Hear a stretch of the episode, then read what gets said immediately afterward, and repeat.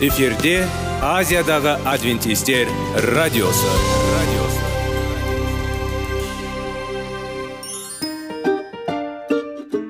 сәлем достар. Денсаулық өмір бұлағы және біздің бірінші байлығымыз демекші денсаулық сағаты рубрикасына қош келдіңіздер. Біздің рубрикада біз әртүрлі факторларменен мәліметтерменен кеңестерменен бөлісіп шын жүректен сіздердің дендеріңіз сау болғанын қалаймыз. Сол үшін біздің рубрикаға қош келдіңіздер. Дайындалып тұрыңыздар. Өйткені келесі минуттарда қызықты фактілерге ие боласыздар. Енді достар ең бірінші байлығымызды қолымызға алып алға кеттік.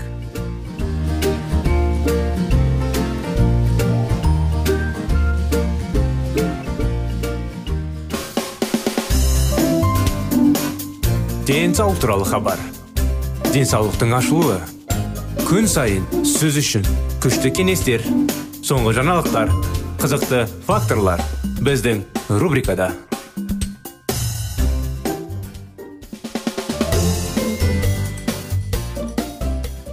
Сәлем достар. Армысыздар құрметті тыңдаушыларымыз. Денсаулық сағат бағдарламамызға қош келдіңіздер. Сіздердің назарларыңызға қытай зерттеулері денсаулыққа маңызды тақырыптар ішінде көптеген мәліметтер әрине. Біздің бағдарламамыздан алыстамаңыздар тақырыбымыз ары қарай жалғастыра кетеміз. Жұмыс бес офтальмологиялық орталықтың ынтымақтастарымен орындалды. Ғылымдар каротино иді тамақтанатынның көбеюімен макуло дистрофиямен ауру жиілігінің төмендеуі арасындағы байланысты анықтады. Каротиноидтар бұл жемістер мен көкөністердің боялған бөліктерінде кездесетін антиоксиданттар тобы. Каротиноидтардың тұтыну мөлшері бойынша пациенттерді саралау жүргізілген кезде каротиноидтардың көп тұтынған адамдарда каротиноидтардың аз тұтынымдарға қарағанда ауру деңгейі 43 пайызға төмен екендігі анықталды. Зерттеу барысында алданған алты өсімдік өнімдерінің бесеуін брокколи сәбіз шпинат немесе кале ірі жемісті асқабақ және тәтті картоп. Тұтыну мен макулодистрофиямен ауру жиілігінің төмендеуі арасындағы байланыс та таңқаларлық емес. Ең үлкен профилактикалық әсер шпинат пен кале болды. Осы жасыл көкөністерді аптасына 5 немесе одан да көп рет жейтін адамдардың арасында ауру айына бір реттен аз. Осы көкөністердің жейтіндердеге қарағанда 88 пайыз аз көрсетеді алдын алу әсері зерттеуленген алты өнім тобының арасында ең аз ашық түспен ерекшеленетін қабат түсті және брюссель өскіндері жағдайында ғана анықталған жоқ ғылымдар сонымен қатар осы тағамдарда кездесетін каротиноидтардың бес бөлік түрін қолдану нәтижесінде осы аурудың алдын алу әсерін талдады. Барлығына біреуінен басқа әсіресе қара жасыл жапырақты көкөністерде кездесетін каротиноидтарға айтарлықтай алдын алу әсер анықталды. Салыстыру үшін құрамында ретинол провитамин а с дәрумені және е дәрумені бар кейбір дәрумендер. Бар тағамдық қоспаларды қолданудың пайдасы өте аз немесе нөлге тең болады. Тағы да біз тағамды қоспалар өз өнімдерлеріне үлкен табыс әкелуі мүмкін. Бірақ олар біздің денсаулығымызды жақсартуға көмектесетінін көреміз. Осылайша макула дистрофия қаупін азайтуға болатындығы анықталды. 88 пайыз бұл дұрыс тамақтану нәтижесінде. Осы кезде сізде каротиноидтарды қайдан алуға болады? Жасыл жапырақты көкөністер сәбіз және цитрус жемістері жақсы қайнар көзі болады. Бірақ бір қиындық туындайды. Осы өнімдердегі жүздеген және мүмкін мұндаған антиоксидантты каротиноидтердің ішіндегі ондаған адамды биологиялық әсерлері зерттелген. Бұл химиялық заттардың еркін радикалдардың зиянды әсерін азайту және азайту қабілетті күмән тудырмайды. Алайда каротиноидтардың жекелеген түрлерінің әсер тамақтану мен өмір салтына байланысты айтарлықтай өзгереді. Осындай айырмашылықтарды ескере отырып олардың әрқайсының оң және теріс әсерін болмауы мүмкін емес. Оларды тағамдық қоспалар ретінде тұтыну ойдың тым тар және үстірт. Ол табиғи динамиканы елемейді. Каротиноидтардың табиғи түрде яғни ашық түсті жемістер мен көкөністер түрінде тұтыну әлде қайда сенімді. Екінші зерттеу барысында 42 макуло дистрофиямен ауыратын 421 науқасты жағдай тобы бақылау тобының 615 мүшесімен салыстырды. Бұл зерттеуге көз ауруларына мамандарынған 5 жетекші клиникалық орталық және олардың ғылыми қызметкерлері қатысты. Антиоксиданттардың жұп сорттарының әсері талданды. Каротиноидтар с дәрумені селен және е дәрумені. Селенді қоспағанда осы қоректік заттардың әрқайсысын тұтыну мен макулодистрофия ауруының төмендеуі арасындағы байланыс анықталды. Дегенмен статистикалық маңызды нәтижелер тек каротиноидтар үшін алынды. Қандағы каротиноидтардың деңгейі жоғары адамдар арасында төмен каротиноидты топпен салыстырғанда макулодистрофия қаупі үштен екіге азайды. Мұндай анықталған ауру қаупін 65-70 пайызға төмендеуі алғашқы зерттеу нәтижесінде анықталған 85-88 пайыздан астам тәуекелдің аздағанымен салыстырылады. Осылайша осы екі жұмыстың нәтижелері бір біріне сәйкес келді. Және каротиноидтар түрінде антиоксиданттарды тұтынудың пайдасын көрсетеді. Эксперименттің шектелулерін ескере отырып біз дұрыс тамақтанбаудың туындаған макулодистрофия жағдайларының үлесін шамамен бағалай аламыз. Және бұл қандай антиоксиданттардың жетіспеуін болғанын білмейміз. Алайда құрамында антиоксиданттар әсіресе каротиноидтар бар тағамдарды тұтыну макулодистрофияның салдары ретінде көптеген жағдайлардың алдын алуға көмектеседі деп айта аламыз. Бұл керемет ұсыныс. Катаракта. Бұл макулодистрофияға қарағанда бір шама ауыр ауру. Өйткені аурудың салдарынан жоғалған көру қабілетін қалпына келтірудің хирургиялық әдістері бар.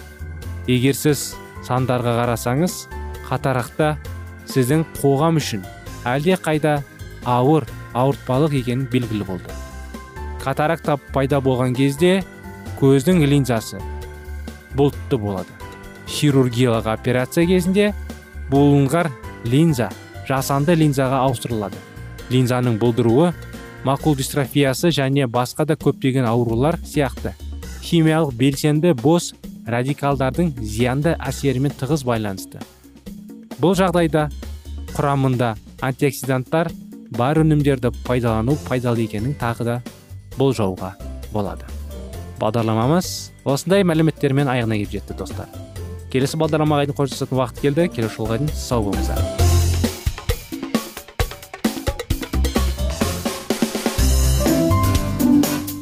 Денсаулық туралы хабар. Денсаулықтың ашылуы күн сайын сөз үшін күшті кеңестер соңғы жаңалықтар қызықты факторлар біздің рубрикада.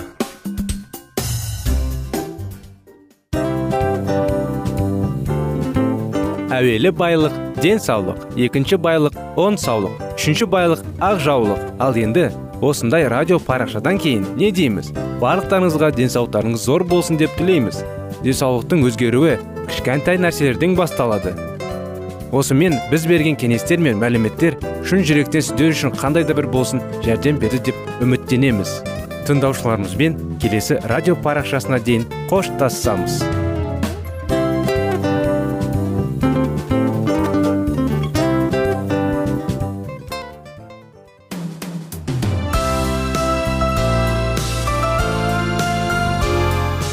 эфирде азиядағы адвентистер радиосы.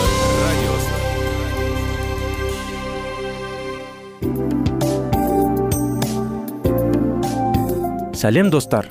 Барлықтарыңызға шын жүректен сөйлесек рубрикасына қош келдіңіздер деп айтпақшымыз. Шын жүректен сөйлесек бағдарламасы әртүрлі қызықты тақырыптарға арналған. Шындығында шын жүректен сөйлесек деген сөздің мағынасы екі достың екі адамның ортасындағы шын жүрекпен сөйлесуі бір біріне сенуі ашықтық пен шындықты білдіреді. Сол үшін біздің бағдарламалар әртүрлі қызықты тақырыптарға арналған. Дайындалыңыз жаңа қызықты мәліметтерге ие болуға. Ондай болса кеттік.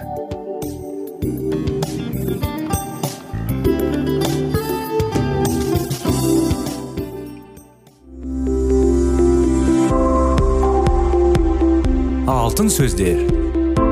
Сырласу қарым қатынас жайлы кеңестер мен қызықты тақырыптар. Шын жүректен сөйлесейік рубрикасында.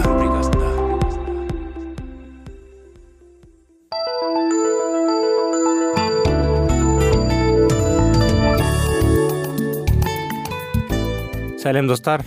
Армысыздар құрметті радио тыңдаушыларымыз. Біздің шын жүректен сөйлесейік бағдарламамызға қош келдіңіздер. Достар сіздермен бірге біраз болды. Біздің бағдарламамызда қосылып әрдайым тыңдап жүргендеріңізге сіздермен бірге көптеген тақырыптар өтіп жатырмыз. Бір біріңізді қалай сүю жайлы. Жігіт пен қыздың арасында қарым қатынас қандай болу керек екен? Үйленудің алдында. Үйленгеннен кейін қандай болу керек? Балаларды қалай тәрбиелеу керек? Бала мен ата ананың қарым қатынасы жайлы достық жайлы. Расында да бағдарламамыздың тақырып айтқандай шын жүректен сөйлесейік. Бүгінгі күнде сіздерге жаңа тақырып бастаймыз. Баланы қалай тәрбиелеу керек? Көптеген адамдар расында да баланы жай ғана өмір сүргенін байқайды. Ол тамағын береді оған киіндіреді. Оның бәрі тәрбиеге жатпайды. Ол сіздің күнделікті ісіңіз сүю сияқты. Тал баланы кішкентай жасынан дұрыс тәрбиелеу білу керек сондықтан баланы қалай тәрбиелеу керек деген кітабын бастап жатырмыз бүгінгі күнде майкл және дебби перл жанұясының баланы қалай тәрбиелеу жайлы. Сонымен сіздермен бірге бұны бүгін бірінші тарауды бастап отырмыз. Баланың тәрбиелеу балаларды айқай шумен тарттыңыз дегендей кейбір ата аналарға өз балаларын тарқату керек деп айтқан кезде олар мен мұны біреу тауып кіммен ауыстыруға болатын еді деп жауап берді. Менің үйімде тіпті тас мүсіннің де жүйке бұзылуы орын алуы мүмкін ал ата польшалық тауар вагонына келген екінші дүниежүзілік соғыс кезіндегі босқындар сияқты түрге ие болды. Егер олар біз таңғыда бір сағатқа тура келеді жедел жәрдем шақыруға біз сөйлесуге тырысқан кезде балалар үздіксіз жүгіріп оларды біреу ренжітіп жүруді немесе қалуды сұрады. Басқа балалар бергісі келмейтін тамақ немесе ойыншықтың талап етті. Анасы үнемі сынған затты ашып құтқару керек еді. Ол екі сағат бойы 666 рет жоқ сөзін айтты. Әр бала анасының екі үш жаңағындай сабауының қолмен келді. Баланың омыртқасының жылжуын санамағанда бұл нәтиже нөлге тең болды. Біз ашудың соққысымен бірақ омыртқаға соққы емес әрбір теріс қылық үшін жазалауымыз керек. Ал бұл ана ешқандай пайда келмейтінін балаларымен одан да өрекел қарым қатынаста ғана шығуды көргенде. Оның жазасы тек атыстан тұрады. Оның жұбауымен ол келесі іске қашып қалды. Оның балалардың еркін бағындыруына ешқандай үміт жоқ. Тек қана өз жұмысына аяқтау үшін оларды алаңдатады. Ал мұнда келіп басқа ана өз бүлдіршіндерімен және донбастағы әңгімелесу ол балаларға былай деді. Тересаға ойнауға яғни алаңға барыңдар. Және сізге ештеңе қажет болмаса анасын алаңдатпаңдар деді келесі екі сағат ішінде біз балалардың қатысуын байқамадық. Тек бір сәбидің кіргенін қоспағанда анам су ішем су ішем су ішуді қалаймын деді. Балалар бірге жақсы ойнайды. Өз дауыстарынан өздері ішесті үлкендерді көңілін күткен жоқ. Олар сонда жерге тастамады. Себебі оларға кірмеуді айтқан жоқ. Және олар менің үйімде болғанша бұл анам өз балаларын соғып кетті. Оған есеп берудің қажеті жоқ еді. Ол болған жаңағындай қатыгез. Балаларды үйге шақырғанда бір бала былай деді. Анам мен қаламын және сюзаннамен ойнаймын ба? Ол жоқ бүгін болмайды деді. Біздің үйде жұмыс бар ісіміз бар деп бала тұтқасын көтеріп оны қолына алды. Ол анамды мойынға алып мен сені сүйемін анашым деді. Бұл жас ана маған менің балаларым маған ұнағысы келеді. Олар мен оларға айтатынның бәрін жасауға тырысады. Біз де бірге жақсы. Ол балалардың көп болуын қалайды. Бұл оның өміріндегі қуанышы. Ал бәрі басқаша болған уақыт болды. Осы кітапта жазылған қарапайым інжіл қағидаларын пайдалана отырып сондай ақ батыл және ашық жүректі бола отырып бұл ана оған қуаныш әкелетін және оған құрмет ететін балалардың тәрбиеледі. Тыңдауды оқыту білім алушының міндетті түрде ойлау қабілеті болуын талап етпейді. Тіпті тышқандар мен егеуқұйрықтар тітіркендіргішке әрекет етуге үйретуге болады. Тірек үйрету итті толығымен мойынсұнындыра алады егер қалалық көшенің барлық кедергілері арқылы соққыр адамды жүргізуге сену үшін себеп итті үйретуге болатын болса онда ата аналарға ақылға ие баладан үлкен кетпеу керек пе? Итті үйретуге болады.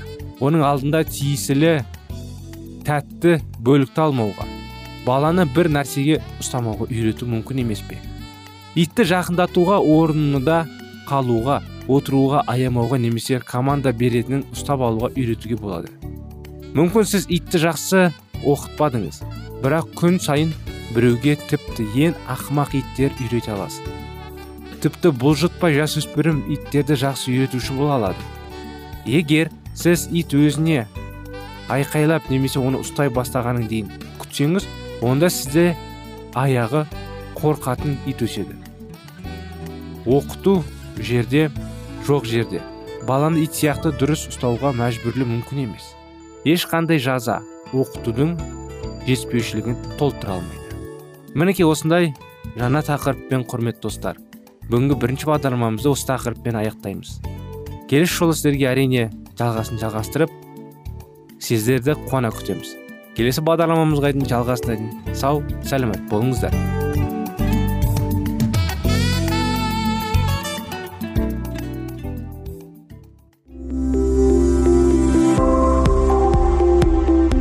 Алтын сөздер. Сырласу қарым қатынас жайлы кеңестер мен қызықты тақырыптар. Шын жүректен сөйлесейік рубрикасында.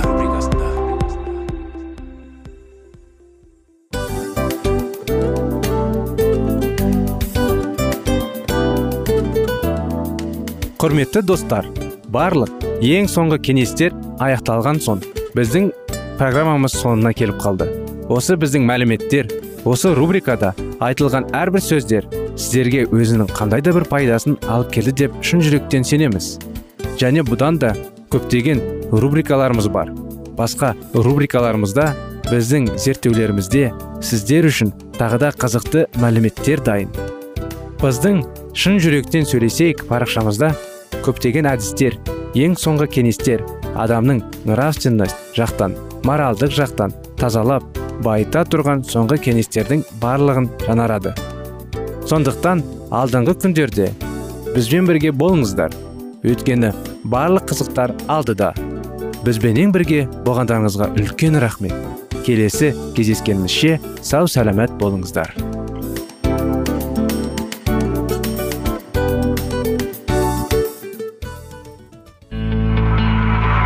Жан дүниеңді байытқан жүрегіңді жаңғыртқан өмірдің мағынасын ойландырған рухани жаңғыру. Рубрикасы.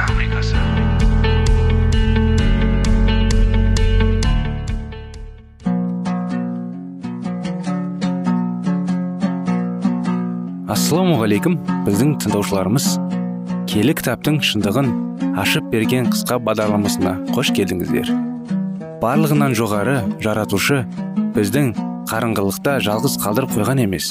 Өйткені ол келешекте не болу керек екенін кітаптың парақтарында ашып береді. Немесе келіңіздер бізге қосылыңыздар. Жаратушы бізге нен ашып бергенін зерттейміз. Киелі жазбадағы жазылған анық ақиқаттарға қарамастан көпшілік жандар діндарлардың сөздерін мүлтіксіз қабылдайды. Кейбіреулер құтқарушының сөздеріне көңіл де аудармайды. Сол діни қызметкерлер не айтса соған сене береді. Сол қызметкерлердің өздерін күнәсіз деп кім айта алады? Олардың таратып жатқан ілімдерін киелі жазу құптамаса қалайша оларға сенуге болады? Құдай сызған ақиқат жолымен жүру үшін де адамға ерлік керек. Киелі жазуды өз бетімен зерттеуге ерінетіндер жалған ілімнің құрбаны болып қала береді. Кейбіреулер ақиқатты киелі кітаптан ғана табуға болатынын жақсы біледі. Соған қарамастан оны ашық оқуға зауқылары соқпайды. Осылайша көздері ашық болғанымен көкіректері соқыр болған жандар өз құтқарушыларына өздері немқұрайды қарайды. Яғни тағдырларын дін қызметкерлерінің негізсіз нанымдарының сенімсіздіктерінің менменшілдіктерінің жолына құрбандық етіп таратады. Албастының адамдары құл қылып ұстайтын тәсілдері өте көп. Мәсіхтің айқыш ағашының жаулары болып табылатын адамдармен сыбайластықтың мықты түйіндерін пайдаланып шайтан мыңдаған халықтың жүрегін жаулап алады. Бұл үйреншікті қарым қатынастардың мінездемелері әр түрлі болуы мүмкін. Атап айтатын болсақ ата аналар мен балалар жұбайлар туысқандар дос жарандар немесе әлеуметтік қарым қатынастар қалай болған күнде де нәтиже біреу ақ. Ақиқаттың жаулары қарамақтарына түскен адамдардың арына қысым жасап олардың ақиқатты жақтауға міндеттеріне жауапкершіліктікпен қарауға батылы жетпей қалды. Ақиқат пен құдайдың даңқы бір бірінен ажырамайтын ұғымдар. Біз адамдар қате жолда жүріп алланы мадақтай аламыз. Неменеге сенің маңызды емес дұрыс өмір ертең болғаны дейді біреулер. Олай айту қате өйткені сенім иман ғана адамның өмірін қалыпқа түсіріп отырады. Егер ақиқат бізге беріліп тұрса ал біз одан өз еркімізбен бас тартсақ онда түнекте жүргенімізді қалайтын болғанымыз. Кейбір жолдар адамға түзу болып көрінеді бірақ оның соны өлімге әкеліп тірейді. Құдайдың еркін тануға мүмкіндік беріліп тұрғандық адасушылық пен күнәні түсінбеушілік деп атауға болмайды. Жалаушы келе жатып жол айырылғанын келіп тірілгенде қай жол қайда апаратынын жайлы көрсеткіш нұсқап бағыт беріп тұрады. Оған көңіл аудармай дұрысы осы деп жолды өзі таңдаған жолаушы адасады. Бірақ шынайы болғандығынан қате жолға түскенін байқауы мүмкін. Құдай оның ілімін зерттеп талаптарын білу үшін бізге өзінің сөзін берді. Бірде кітап адамды исаға келіп мәңгілік өмірге ие болу үшін не істеуім керек деп оған сұрауға қойғады. Иса сол адамға құдай заңында қалай жазылған? Қалай оқисың? деп айта отыра. Оның назарын киелі жазбаға аударған. Біліміздік жас болсын кәрі болсын ешкімге де кешірілмейді. Және құдай заңы бұзғандар жазықсыз қалмайды. Өйткені олардың қолдарында сол заңның сенімді куәлігі бар. Пиғылының таза болғаны. Осы жақсылық деп қандайда бір іс шаралар жасау немесе діни жетекшінің әділетті деп есептейтін істерді істеу жеткіліксіз. Адам өз тағдырына өзі жауапты. Сондықтан кез келген адам жазбаны жеке басы зерттеу керек. Діни қызметкер ақиқатты жақсы беріледі деп соған қатты иланғанымен мұның бәрі оның иманының негізін құрай алмайды. Адамның сенімінің негізі болжамдар мен жормалардан құралуға тиісті емес. Оның қолында көкке бағытталған саяхатының картасы бар және сол картада оның жүріп өтетін жолы белгіленген. Кез келген адамның өмірінің ережесі болып табылатын киелі жазбаны зерттеуге мүмкіндік бола тұра. Оны керек қылмай өз бетімен өмір сүрсең кейін сол немқұрайлығы үшін қатты өкінетін болады. Адам баласының бұл өмірдегі ең басты міндеті құдай сөзін зерттеу ақиқатты танып біліп оны басқа жандарға жеткізу. Біз мәтіндерді салыстыра отыра ойымызды саратпай отыра. Келі кітапты мұқият зерттеуіміз керек. Құдай алдында әркім өзі үшін жауап беретін болғандықтан алланың көмегімен біздер және пікірімізді қалыптастыра білуіміз керек. Өздерін данышпанбыз деп есептейтін ғылымдар киелі жазудың ақиқат екеніне күмән келтіріп оны адам баласына түсініксіз сиқырлы рухани құпия мағынаға толы деп шақырып қояды. Бұлар жалған мұғалімдер құдайдың күшінде өзінде сөзінде білмей адасып жүргендеріндер деген исаның сөзі осыларға арналған. Киелі жазбаның астарлап айтылған және рәміздер арқылы берілген жерлерінен басқа жерлерінің барлығын қалай айтылса солай ұғу керек. Құдайдың еркін орындағысы келген адам оның ілімін ұға алады деп уәде берген мәсіқ егер киелі жазбаны бұрмалап талқылайтын жалған мұғалімдер болмағанда қазіргі кезде түнекте жүрген мұндаған жандар періштелерді қуантып құдай жолына ендігі түскен болар еді. Біздің ең негізгі мақсатымыз киелі жазбаны терең түрде зерттеу және санымыздың бар күшін соған жұмсауымыз қажет. Біз құдайдың пиғылы мен ойын терең ұғуға ұмтылуымыз керек және ол кез келген ажалды адамға қолжетімді. Сонымен қоса шынайы шәкірттіктің бірінші белгісі алланың сөзіне балаша сену және қарапайымдылық екенін ұмытпау келі жазбаны зерттеу алдында адам менменшіл мінезін көміп құдайға тәуелді екенін толық сезіну керек. Онан соң бар ниетімен дұрыс тілек тілеп ақиқаттың ашылуын алладан тілеу керек. Егер де ол шындықтың шөл далада келе жатып бір ұрттам сауды анасағандай іздейтін болса алланың ақиқатының бұрылғаның саусында болады. Болмаған жағдайда зұлым періштелер жүректеріміздің есігін тарс жауып санымызды ұландырып ақиқат бізді ештеңеге де сіндіре алмайды. Қысқасына ақиқатты түсінбейміз сондықтан да ол бізге шындық болып саналмайды.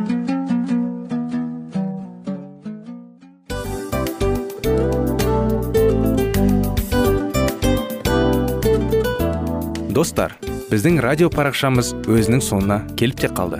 Демек бұл программамыздың қорытындысын айта кету керек. Негізі істің басталып жатқаның қуанту керек пе? Әлде оның қорытындысы қуанту керек пе? Сіздер қалай ойлайсыздар? Меніңше қорытындысы деп ойлаймын. Себебі жасаған ісінің жемісін көріп қорытынды арқылы бағалап жүрегін қуантады. Баяғыда айтқандай бидайды сепкенде емес бидайдың жемісін жинаған кейін ыстық нанды жегенде кәдімгідей рахаттанасың ғой. Осымен біздің бағдарламамыздың аяғында тыңдаушыларымыз қандай пайда алды екен деген ойдамыз. Егерде өткен сфераларда пайдалы кеңес алған болсаңыз біз өзіміздің мақсатымызға жеткеніміз. Бүгінгі 24 сағаттың алтындай жарты сағатын бізге бөліп ардағаныңыз үшін рахмет. Келесі кездескенімізше қош сау болыңыздар. Достар біздің бағдарлама бойынша сұрақтарыңыз болса әрине сіздерге керекті анықтама керек болса біздің whatsapp нөмірімізге хабарлассаңыздар болады. Плюс бір үш жүз бір жеті жүз алпыс алпыс жетпіс. Иә достар сіздер қателеспедіңіздер бұл біздің номерлерге ұқсас болмаса да бұл whatsapp номер арнайы. Хабарласыңыздар сұрақтарыңызды қойып тұрыңыздар. Анықтаманы алып тұрыңыздар. Плюс бір үш жүз бір жеті жүз алпыс алпыс жетпіс ватсап номері